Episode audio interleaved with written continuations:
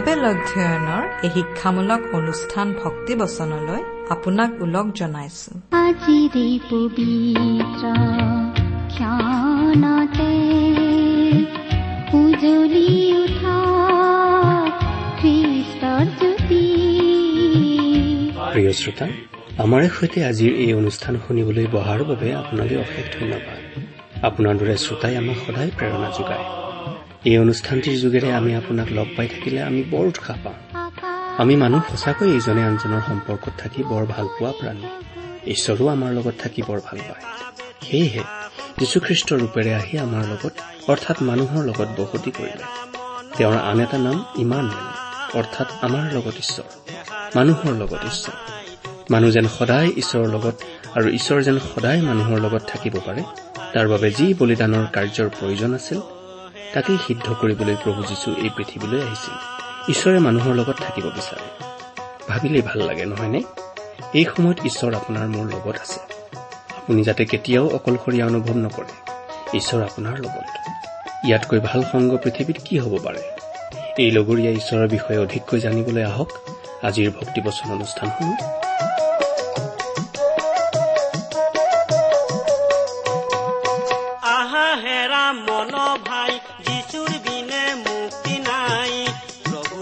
সত্য ঈশ্বৰ শুনা হেৰা মন ভাই।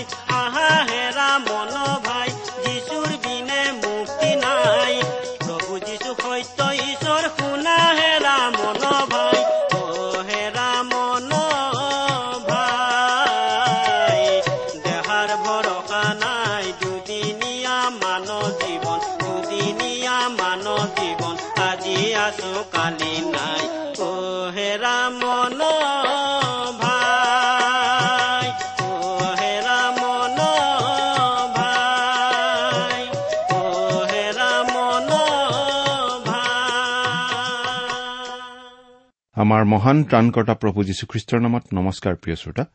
আশা কৰো আপুনি ভালে কুশলে আছে। লগতে এই বুলিও আশা কৰিছো যে আপুনি আমাৰ এই ভক্তিবচন অনুষ্ঠানটো নিয়মিতভাৱে শুনি আছে। এই অনুষ্ঠান শুনি আপুনি কেনে পাইছে সেই কথা জনাই আমালৈ চিঠি লিখিবচোন। আহকচোন আজিৰ বাইবেল অধ্যয়ন আৰম্ভ কৰাৰ আগতে খন্তেক প্ৰাৰ্থনাত মূৰ দুৱাওঁ। স্বৰ্গত থকা মহান পিতৃ ঈশ্বৰ তোমাৰ মহান নামৰ ধন্যবাদ কৰো। তুমি সৰ্বশক্তিমান সৰ্বব্যাপী সৰ্বজ্ঞানী ঈশ্বৰ। তুমি আমাক প্ৰেম কৰোতা ঈশ্বৰ। তুমি আমাক ইমানেই প্ৰেম কৰিলা যে আমাক উদ্ধাৰ কৰিবলৈ তোমাৰ একেজাত পুত্ৰ যীশুখ্ৰীষ্টকে আমালৈ দান কৰিলা।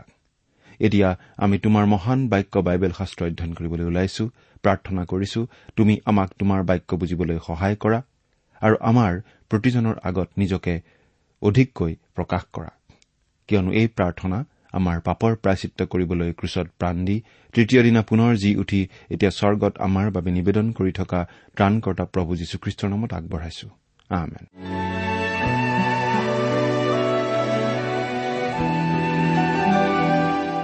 প্ৰিয় শ্ৰোতা আমি আজি কিছুদিনৰ পৰা বাইবেলৰ পুৰণি নিয়ম খণ্ডৰ যিচয়া ভাৱবাদীৰ পুস্তক নামৰ পুস্তকখন অধ্যয়ন কৰি আছো। নহয়নে বাৰু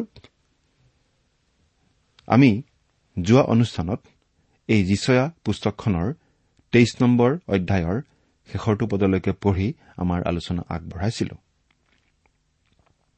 আজি আমি যিচয়া পুস্তকৰ চৌব্বিছ নম্বৰ অধ্যায়ৰ প্ৰথম পদৰ পৰাই আমাৰ আলোচনা আৰম্ভ কৰিম। ঈশ্বৰৰ মহা সুধ বিচাৰৰ কথা হলেও আমি এতিয়া যিচয়া চৌব্বিছ নম্বৰ অধ্যায়ৰ পৰা এটা নতুন খণ্ডত প্ৰৱেশ কৰিছো হওক। যিচয়া পুস্তকখনৰ এইটো এটা নতুন খণ্ড বা ইয়াত এটা নতুন ধৰণৰ কথা ইয়াৰে পৰা আমি পাওঁ। সেইকাৰণে পুস্তকখনৰ এইটো নতুন খণ্ড বুলি আমি কৈছো। তেইছ নম্বৰ অধ্যায়লৈকে আমি জাতি বা দেশবিলাকৰ ওপৰত দিয়া ঈশ্বৰৰ ভাৰ বাক্যৰ বিষয়ে পালো। আৰু তেইছ নম্বৰ অধ্যায়তেই সেই খণ্ডটো শেষ কৰা হৈছে। আমি দেখিবলৈ পাইছিলো যে ইছৰাইলৰ চাৰিওফালে থকা দেশ আৰু জাতিবিলাকৰ ওপৰত এটা জাতিৰ পাছত আনটো জাতিলৈ ঈশ্বৰৰ ভাৰ বাক্য অৰ্থাৎ সুধবিচাৰ আহিছিল। কিন্তু আজি আমি যিচয়া চৌব্বিছ নম্বৰ অধ্যায়ত যি সুধবিচাৰৰ বিষয়ে পাওঁ সেয়া হৈছে ঈশ্বৰৰ মহাবিচাৰৰ দিন। শেষকালত জগতৰ ওপৰত ঈশ্বৰৰ শেষ মহাবিচাৰৰ দিন যি দিনকাল চোৱাক প্ৰভু যীশুৱে শেষ কালৰ মহাক্লেশৰ কাল বুলি কৈছে। যিচয়া তেৰ নম্বৰ অধ্যায়ৰ পৰা তেইছ নম্বৰ অধ্যায়লৈকে জাতিবিলাকৰ ওপৰত যি সুধবিচাৰৰ ভাৱবাণী প্ৰচাৰ কৰা হৈছিল সেই সকলো কাহানিবাই সিদ্ধ হৈ গৈছে। চৌবিছ নম্বৰ অধ্যায়ৰ ঈশ্বৰৰ এই মহাবিচাৰ কিন্তু ভৱিষ্যৎকালৰ শেষ বিচাৰ। কোনো বিশেষ জাতি বা দেশৰ বিৰুদ্ধে এয়া ভাৱবাণী দিয়া হোৱা নাই। কিন্তু গোটেই জগতৰ ওপৰতেই হ'বলগীয়া এই মহা সুদবিচাৰৰ কথাহে ইয়াত কোৱা হৈছে। এতিয়া আমি বাইবেলৰ পৰা পাঠ কৰি দিম। অনুগ্ৰহ কৰি আপুনি বাইবেলৰ পৰা চাই যাব। যদিহে লগত বাইবেল নাই অনুগ্ৰহ কৰি শুনি যাব। পাঠ কৰি দিছো যিচয়া চৌবিছ নম্বৰ অধ্যায়ৰ এক নম্বৰ পদ। চোৱা জিহুৱাই পৃথিৱী খালী কৰিছে আৰু তাক শূন্য কৰিছে আৰু তাৰ মুখ তল কৰি তাৰ নিবাসীবিলাকক সিঁচৰতি কৰিছে। এই পদটোত পৃথিৱী শব্দটোৰ কাৰণে ইব্ৰী শব্দ ইৰেটছ ব্যৱহাৰ কৰিছে গতিকে ইছৰাইল ভূমি বা গোটেই জগত এই দুয়োকো বুজায়। গোটেই অধ্যায়টোৰ প্ৰসংগখিনিলৈ চালে গোটেই জগতখনৰ সুধবিচাৰ হোৱাটোহে অধিক অৰ্থপূৰ্ণ হয়। নাইবা সুধ বিচাৰ দুইভাগেও হ'ব পাৰে। তেওঁৰ মনোনীত জাতি ৰূপে ইছৰাইল জাতিৰ ওপৰত শেষ মহাবিচাৰ আৰু সেইদৰে সেই একেটা মহাবিচাৰ গোটেই জগতৰ ওপৰতো। দুই নম্বৰ পদৰ পৰা ছয় নম্বৰ পদ। আৰু প্ৰজা যেনে পুৰোহিতো তেনে বন্দী যেনে গৰাকীও তেনে। বেটী যেনে ঘৈণীও তেনে। কিনোতা যেনে বেচোতাও তেনে।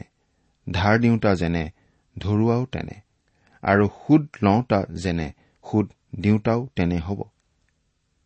পৃথিৱী নিচেইকৈ শূন্য আৰু লুট কৰা হ'ব। কিয়নো জিহুৱাই এই বাক্য কলে পৃথিৱীয়ে শোক কৰি লেৰেলা পৰিছে। জগতখন দুৰ্বল হৈ জয় পৰিছে। পৃথিৱীৰ সম্ভ্ৰান্ত লোকসকল দুৰ্বল হৈছে। পৃথিৱীও তাৰ নিবাসীবিলাকৰ ভৰিৰ তলত অপবিত্ৰ হ'ল কাৰণ সিহঁতে আজ্ঞাবোৰ লংঘন কৰিলে বিধিটি পৰিৱৰ্তন কৰিলে চিৰস্থায়ী নিয়মটি ভাঙিলে। এই হেতুকে অভিশাপে পৃথিৱীক গ্ৰাস কৰিলে আৰু তাৰ নিবাসীবিলাকক দোষী কৰা হ'ল আৰু অতি অলপ লোক অৱশিষ্ট থাকিল। প্ৰিয় শ্ৰোতা শেষ মহাবিচাৰটো গোটেই জগতৰ দেখি প্ৰজা আৰু পুৰোহিত বন্দী আৰু গৰাকী দাসী আৰু গৰাকিনী কিনোতা আৰু বেচোতা মহাজন আৰু ধৰুৱা সুত লওঁতা আৰু সুত দিওঁতা সকলোৰে ওপৰত পৰিব। কাৰো পক্ষ লৈ বা মুখ চাই ঈশ্বৰে বিচাৰ নকৰিব। তেওঁ ন্যায়েৰে সকলো অন্যায়ৰ প্ৰতিকাৰ সাধিব। সেই কাল এনে কাল হ'ব যেতিয়া পৃথিৱীখন শূন্য হৈ পৰিব দুৰ্বল হৈ লেৰেলা পৰিব আজ্ঞা লংঘনকাৰী বিধি পৰিৱৰ্তনকাৰী আৰু ঈশ্বৰৰ চিৰস্থায়ী নিয়ম ভংগকাৰী অবাধ্য আৰু অপবিত্ৰ মানুহৰ ভৰিৰ স্পৰ্শত পৃথিৱীখনো অপবিত্ৰ হৈ পৰিব। এনে অপবিত্ৰ পৃথিৱীক অভিশাপে গ্ৰাস কৰিব। ইয়াত পৃথিৱী বোলোতে মূলতঃ মানুহকেই বুজায়। পাপিষ্ঠ অপবিত্ৰ মানুহবিলাক এনেকুৱা ৰূপে দগ্ধ হ'ব যে পৃথিৱীত অতি অলপ লোকহে অৱশিষ্ট থাকিব। এই অৱশিষ্ট লোকখিনি কোন হ'ব বাৰু? এওঁলোক হ'ব সেইসকল লোক যিসকলে মহাক্লেশৰ সময়ত খেদিত অন্তৰেৰে ঈশ্বৰলৈ মন পালতাব আৰু ঈশ্বৰৰ পৰিত্ৰাণ গ্ৰহণ কৰিব। ইয়াত অভিশাপে পৃথিৱীখনক গ্ৰাস কৰাৰ কথা কোৱা হৈছে। এই কথাই ঈশ্বৰে নোহৰ আগত কৰা প্ৰতিজ্ঞাৰ কথা আমাক সোঁৱৰাই দিয়ে। ঈশ্বৰে নোহৰ আগত প্ৰতিজ্ঞা কৰি কৈছিল যে তেওঁ জলপ্লাৱনেৰে মানুহক আৰু কেতিয়াও ধ্বংস নকৰিব। সেয়ে ইয়াত পৃথিৱী ধ্বংস কৰাৰ আহিলা হ'ব দপদপকৈ জ্বলা দাবানল। ঈশ্বৰৰ ক্ৰোধৰ সেই দাবানলে পৃথিৱীখন গ্ৰাস কৰিব। দ্বিতীয় পিতৰ তিনি নম্বৰ অধ্যায়ৰ ছয় নম্বৰ পদ আৰু সাত নম্বৰ পদত বাইবেলত আমি এনেদৰে পাওঁ। আৰু সেইবোৰৰ দ্বাৰাই তেতিয়াৰ জগত জলপ্লাৱিত হৈ বিনষ্ট হৈছিল। কিন্তু সেই একে বাক্যৰ গুণে এই বৰ্তমান কালৰ আকাশমণ্ডল আৰু পৃথিৱী ভক্তিহীন মানুহবিলাকৰ বিচাৰ আৰু বিনাশ হোৱাৰ দিনলৈকে ৰক্ষিত হৈ জুইৰ কাৰণে সঞ্চিত আছে। পৃথিৱী এইদৰে গ্ৰাসিত বা দগ্ধ হ'ব দেখি জগতৰ পুতৌ লগা অৱস্থা কেনে হ'ব তাৰ অধিক বৰ্ণনা সাত নম্বৰ পদৰ পৰা বাৰ নম্বৰ পদলৈ এনেদৰে পোৱা যায়। নতুন দ্ৰাক্ষাৰসে শোক কৰিছে। দ্ৰাক্ষালতা জয় পৰি গৈছে। আনন্দিত মনৰ লোকবিলাকে হুমুনিয়াহ পেলাইছে। খঞ্জৰিবোৰৰ আনন্দধ্বনি থামিল। উল্লাস কৰোতা লোকৰ আৰাও ওৰ পৰিল। বীণাৰ আনন্দধ্বনি থামিল। লোকবিলাকে গানেৰে সৈতে দ্ৰাক্ষাৰস পাণ নকৰিব। সুৰা পাণ কৰোতা লোকৰ মুখত সুৰা তিতা লাগিব। উচ্ছন্ন পুৰি ভগ্ন হল। কোনো মানুহ সোমাব নোৱাৰাকৈ সকলো ঘৰ বন্ধ হল। দ্ৰাক্ষাৰসৰ কাৰণে লোকবিলাকে বাটত চিঞৰিছে। সকলো আনন্দ মাৰ গ'ল। দেশৰ আনন্দধ্বনি নাইকিয়া হল। নগৰত কেৱল ধ্বংস থাকিল আৰু দুৱাৰখন আঘাত লাগি নষ্ট হল। শুনিলেনে প্ৰিয় শ্ৰোতা? শেষকালত মহাক্লেশৰ সময়ত মানুহৰ মাজত ধ্বংসৰ বাহিৰে একোৱেই নাথাকিব। কিমান দুখৰ দিন হ'ব? কিন্তু কিয়?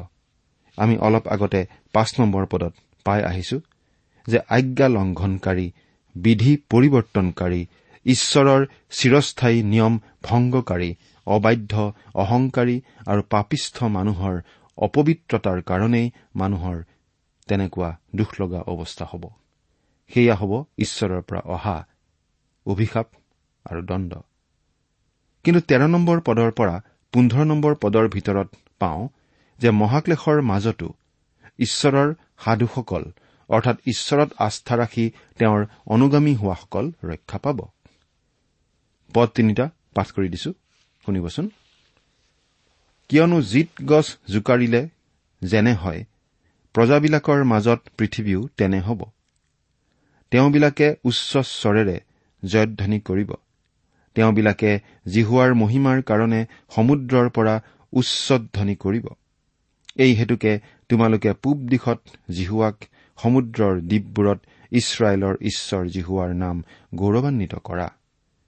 অৱশিষ্ট এই লোকসকল অতি কম সংখ্যাৰ হ'ব আৰু তেওঁলোকে বৰ উচ্চস্বৰে ঈশ্বৰৰ প্ৰশংসা কৰিব। চাওক এনে মহাক্লেশৰ সময়তো তেওঁলোকে ঈশ্বৰ জিহুৱাক এনেকি ইছৰাইলৰ ঈশ্বৰ জিহুৱাৰ নাম গৌৰৱান্বিত কৰিব পাৰিব? গতিকে তেতিয়াও অৰ্থাৎ মহাক্লেশৰ কালতো অৱশিষ্ট লোক থাকিব ইছৰাইলৰ সন্তান আৰু পৃথিৱীৰ সকলো জাতিৰ বিশ্বাসকাৰী লোকসকলৰ মাজৰ পৰা। ষোল্ল নম্বৰ পদৰ পৰা ওঠৰ নম্বৰ পদলৈ বৰ্ণনা কৰা হৈছে বিশ্বজোৰা আৰু অতুলনীয় বিধৰ মহাক্লেশৰ কথা। চৌব্বিছ নম্বৰ অধ্যায়ৰ ষোল্ল নম্বৰ পদ পাঠ কৰি দিম। আমি পৃথিৱীৰ অন্তভাগৰ পৰা গীত শুনিলো যে ধাৰ্মিক লোকে প্ৰশংসা পাওক কিন্তু মই কলো মই ক্ষীণ হৈ গৈছো মই ক্ষীণ হৈ গৈছো মোৰ সন্তাপ হল বিশ্বাসঘাতকবিলাকে বিশ্বাসঘাতকতা কৰিছে। প্ৰিয় শ্ৰোতা ভাৱবাদীগৰাকীয়ে যেতিয়া শেষকালৰ মহাক্লেশৰ বৰ্ণনাতীত ধ্বংসৰ কথা ঈশ্বৰৰ পৰা জানিছিল তেওঁৰ এনে উপলব্ধি হৈছিল যেন তেতিয়াই তেওঁ নিজ চকুৰে সেই ধ্বংস কাৰ্য প্ৰত্যক্ষ কৰিছিল। আৰু সেয়ে মই ক্ষীণ হৈ গৈছো মই ক্ষীণ হৈ গৈছো বুলি চিঞৰি উঠিছিল। এই মহাক্লেশ বাস্তৱিকতেই বৰ সাংঘাতিক বিধৰ ক্লেশ হ'ব। আমাৰ প্ৰভুৱে এই ক্লেশৰ বিষয়ে বৰ্ণনা কৰোতে বৰ মনোযোগ কৰিবলগীয়া ভাষাৰে কৈছিল এইদৰে কিয়নো সেই কালত যেনে মহাক্লেশ হ'ব জগতৰ আদিৰে পৰা এতিয়ালৈকে তেনে ক্লেশ কেতিয়াও হোৱা নাই আৰু নহবও। আৰু সেই দিনৰ সংখ্যা কম নকৰা হলে কোনো প্ৰাণীৰেই ৰক্ষা নহলহেঁতেন। কিন্তু মনোনীত লোকৰ নিমিত্তে সেই দিনৰ সংখ্যা কম কৰা হ'ব। মুঠি চৌব্বিছ নম্বৰ অধ্যায়ৰ একৈশ আৰু বাইশ নম্বৰ পদ। এতিয়া আমি যিচয়া চৌব্বিছ নম্বৰ অধ্যায় সোতৰ পদটো পাঠ কৰিম। পৃথিৱী নিবাসী তোমাৰ নিমিত্তে আপদ গাঁত আৰু ফাণ্ড নিৰূপিত আছে। এই পদটোত কোৱা হৈছে যে সেইদিনা পৃথিৱী নিবাসীবিলাকৰ ওপৰলৈ তিনিটা বিপদ আহিব। প্ৰথমটো হৈছে আপদ। আমাৰ অসমীয়া ভাষাৰ বাইবেলত এই আপদ শব্দটো ব্যৱহাৰ কৰা হৈছে। কিন্তু ইংৰাজী ভাষাৰ বাইবেলত ভয় শব্দটো ব্যৱহাৰ কৰা হৈছে। হয় প্ৰিয় শ্ৰোতা আজিৰ পৰা বহু বছৰ আগৰে পৰাই বিশ্ব বহু বিশ্ববিখ্যাত নেতা নেত্ৰীসকলে ভয় দূৰীকৰণৰ কথা গাই আহিছে। ভয় নিৰ্মূলকৰণ কত যে পৰিকল্পনা ৰচনা কৰি আহিছে। কিন্তু বিশ্বৰ মানুহ ভয়ৰ পৰা মুক্ত হ'ব পাৰিছেনে বাৰু? প্ৰকৃততে যি দেখা গৈছে চাৰিওফালে কেৱল অসন্তুষ্টি আৰু ভয়ে মানুহক হতাশগ্ৰস্ত আৰু শংকিত কৰি ৰাখিছে। কিন্তু এই ভয় মহাক্লেশৰ কালত বহুগুণে বাঢ়িব। দুই গাঁত। গাঁত বা খাল হৈছে মৃত্যুৰ বিপদ। এটম বোমাৰ বোজা পিঠিত বান্ধি লৈয়েই আজি জগতৰ মানুহ পৃথিৱীত ওলমি আছে যি এটম বোমাৰ ব্যৱহাৰে গোটেই জগতৰ মানুহকেই নিশ্চিহ্ন কৰি পেলাব পাৰে। কিন্তু ঈশ্বৰে কৈছে যে মানুহক নিশ্চিহ্ন কৰিবলৈ তেওঁ মানুহক অনুমতি নিদিব। মানুহে মানুহক সমোলঞ্চে ধ্বংস কৰিব নোৱাৰিব। মানুহক সেইদৰে ধ্বংস হবলৈ তেওঁ এৰি নিদিব। প্ৰভু যীশুৱে কৈছে যে সেই দিনৰ সংখ্যা কম নকৰা হলে কোনো প্ৰাণীৰেই ৰক্ষা নহলহেঁতেন কিন্তু সেই মহাক্লেশৰ দিন তেওঁ কম কৰিব। তৃতীয়টো বিপদ হৈছে ফাণ্ড। এই ফাণ্ড মানে হৈছে ঠগ প্ৰবঞ্চনা প্ৰতাৰণা। তেওঁ অৰ্থাৎ প্ৰভু যীশুখ্ৰীষ্টই জৈতুন পৰ্বতৰ ওপৰত যি শিক্ষা দিছিল সেই শিক্ষা মহাক্লেশৰ কথাৰ বৰ সুন্দৰভাৱে ৰচিত হোৱা কথা। মুঠিয়ে লিখা শুভবাৰ্তা চৌবিশ নম্বৰ অধ্যায়ৰ চাৰি নম্বৰ পদত প্ৰভু যীশুৱে কৈছে কোনেও যেন তোমালোকক নুভুলাই তালৈ সাৱধান হোৱা। অৰ্থাৎ সেই শেষৰ কালৰ সময়ছোৱা এনেকুৱা সময় হ'ব যেতিয়া মানুহবিলাকে বিশ্বাস কৰিব যে তেওঁলোকে ধীৰে ধীৰে হাজাৰ বছৰ ৰাজত্বৰ কালত প্ৰৱেশ কৰিছে। প্ৰভু যীশুৰ সেই ৰাজ্যত প্ৰৱেশ কৰিছে। আমি কিছুমানে কেতিয়াবা কেতিয়াবা এনে ধাৰণা লওঁ যে বিশ্বৰ মহান মহান নেতাসকলে সেই হাজাৰ বছৰীয়া ৰাজত্বৰ কালচোৱা আমালৈ চমু চপাই দিব পাৰে। কিন্তু চাই থাকিব তেওঁলোকে যদি কিবা চমু চপাই দিব পাৰেও সেয়া হ'ব মহাক্লেশৰ কাল। হাজাৰ বছৰীয়া ৰাজত্বৰ কাল কোনোমতেও নহ'ব। তেওঁলোকে মহাক্লেশৰ কাল চমু চপাই দিব আৰু খ্ৰীষ্ট বিৰোধী খ্ৰীষ্টাৰীয়ে সম্পূৰ্ণৰূপে ৰাজত্বৰ দায়িত্ব ভাৰ নিজৰ হাতত তুলি ল'ব। জগতৰ মানুহে তেতিয়া মহাক্লেশৰ কালত প্ৰৱেশ কৰিবলৈ যেতিয়া ল'ব তেতিয়া তেওঁলোকে ভাবিব যে তেওঁলোকে হাজাৰ বছৰীয়া ৰাজত্বৰ বছৰকেইটাতেই প্ৰৱেশ কৰিছে। সেই সময়ছোৱাত খ্ৰীষ্টাৰীগৰাকীয়ে যি এটা কৌশল ব্যৱহাৰ কৰিব সেয়া হ'ব ঠগ প্ৰবঞ্চনা। কাৰণ সি ঠগ প্ৰবঞ্চনাকাৰী দিয়াবল ছয়তানৰেই বাপেক। মানুহবোৰে ভাবিব যে পৃথিৱীলৈ প্ৰকৃত শান্তি আহিল। কিন্তু আচলতে জগতৰ মানুহবোৰে সেই মহাক্লেশৰ সময়তহে প্ৰৱেশ কৰিব। এনেদৰেই সেই খ্ৰীষ্টাৰীয়ে মানুহবোৰক ভুলাব। আজি যে কিমান মানুহ প্ৰবঞ্চিত হৈ আছে তেওঁলোকে তেওঁলোকৰ জীৱনটোক লৈয়েই ঠগ খাই আছে। অনন্ত অদৃষ্ট বা অনন্তকালৰ কথা কিমান মানুহেনো বাৰু ভাবে? বেছিভাগ লোকেই নাভাবে। ভবাৰ প্ৰয়োজন আছে বুলিয়েই তেওঁলোকে নাভাবে। অধিকভাগ লোকেই এই পাৰ্থিৱ জীৱনৰহে কথা ভাবে আৰু এই পাৰ্থিৱ জীৱনৰ বিষয়টোকে লৈ ব্যস্ত থাকে। বাইবেলত সৃষ্টিকাৰ্যৰ যি বিৱৰণ আছে তাক বিজ্ঞানে প্ৰত্যাখ্যান কৰিবলৈ লৈছে। সৃষ্টিকাৰ্যৰ সেই বাইবেল শাস্ত্ৰীয় বিৱৰণ তেওঁলোকক নালাগে। সেইদৰেই এয়া এই কালখিনি মহা ঠগ প্ৰবঞ্চনাৰ কাল। দিয়াবল ছয়তানে এনেকুৱাকৈয়ে মানুহক ভুলাই বিপথগামী কৰি ৰাখিব পাৰিছে।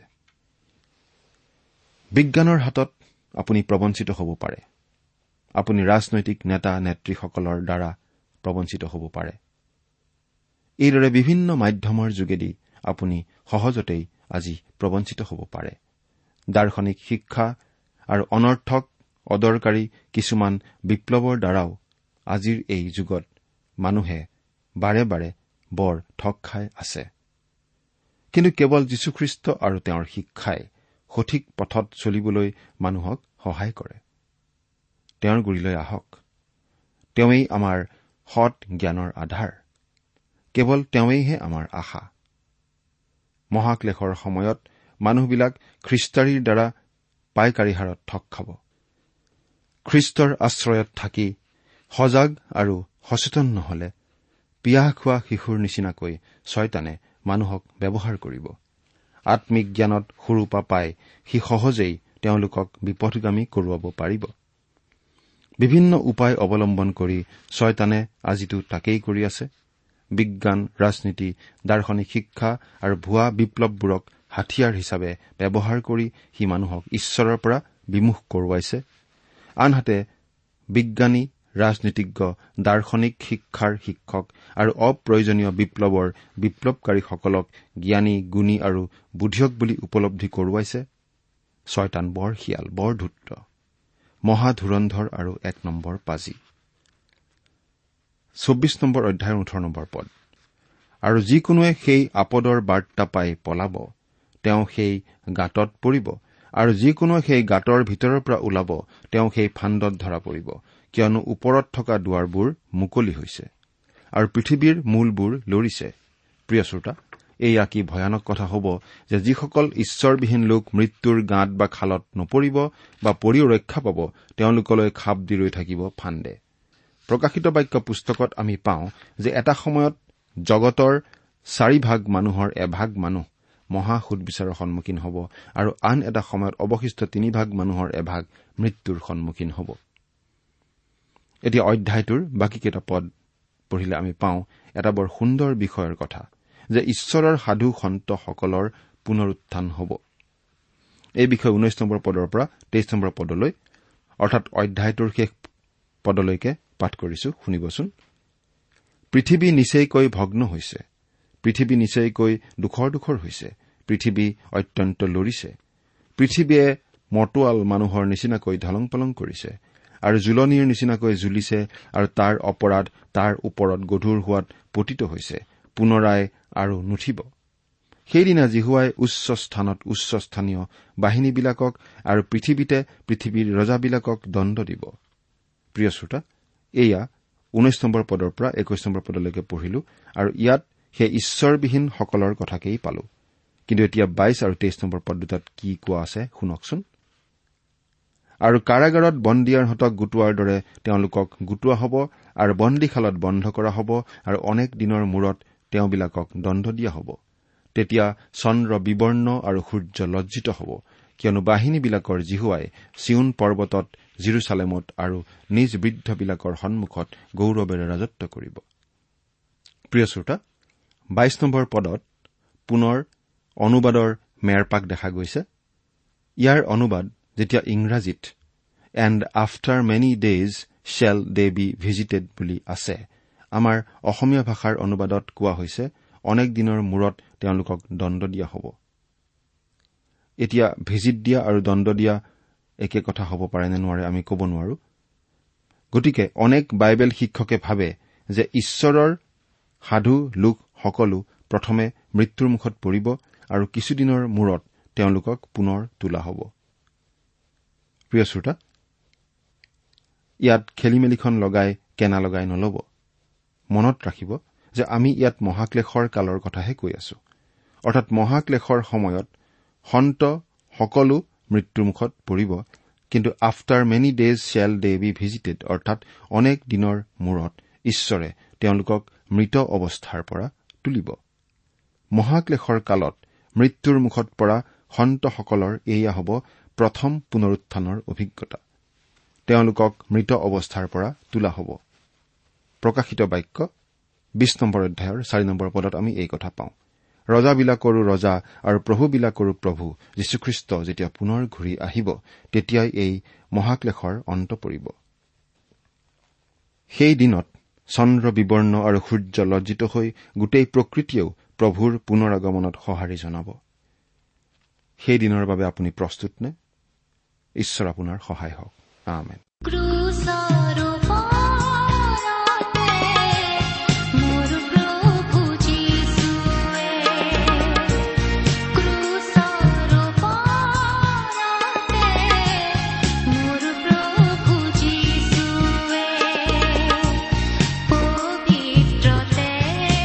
প্ৰিয় শ্ৰোতা ইমান পৰে আপুনি বাইবেল শাস্ত্ৰৰ পৰা ঈশ্বৰৰ বাক্য শুনিলে। এই বিষয়ে আপোনাৰ মতামত জানিবলৈ পালে আমি নথৈ আনন্দিত হ'ম।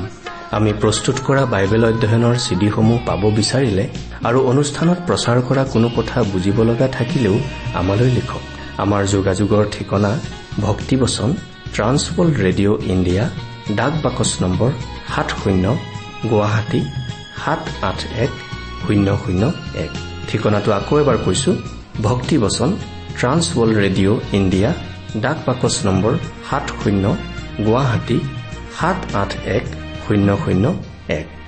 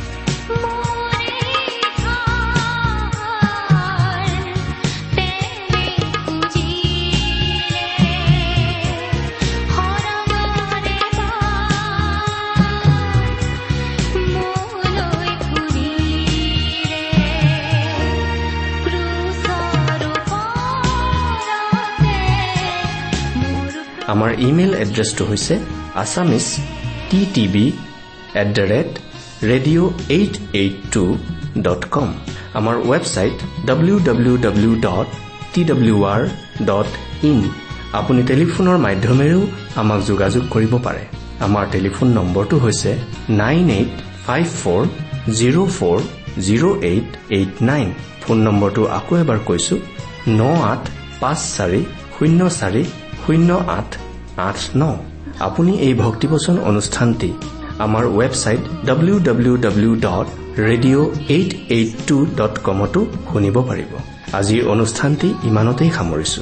ঈশ্বৰৰ শান্তি আৰু অনুগ্ৰহ আপোনাৰ লগত থাকক। ধন্যবাদ।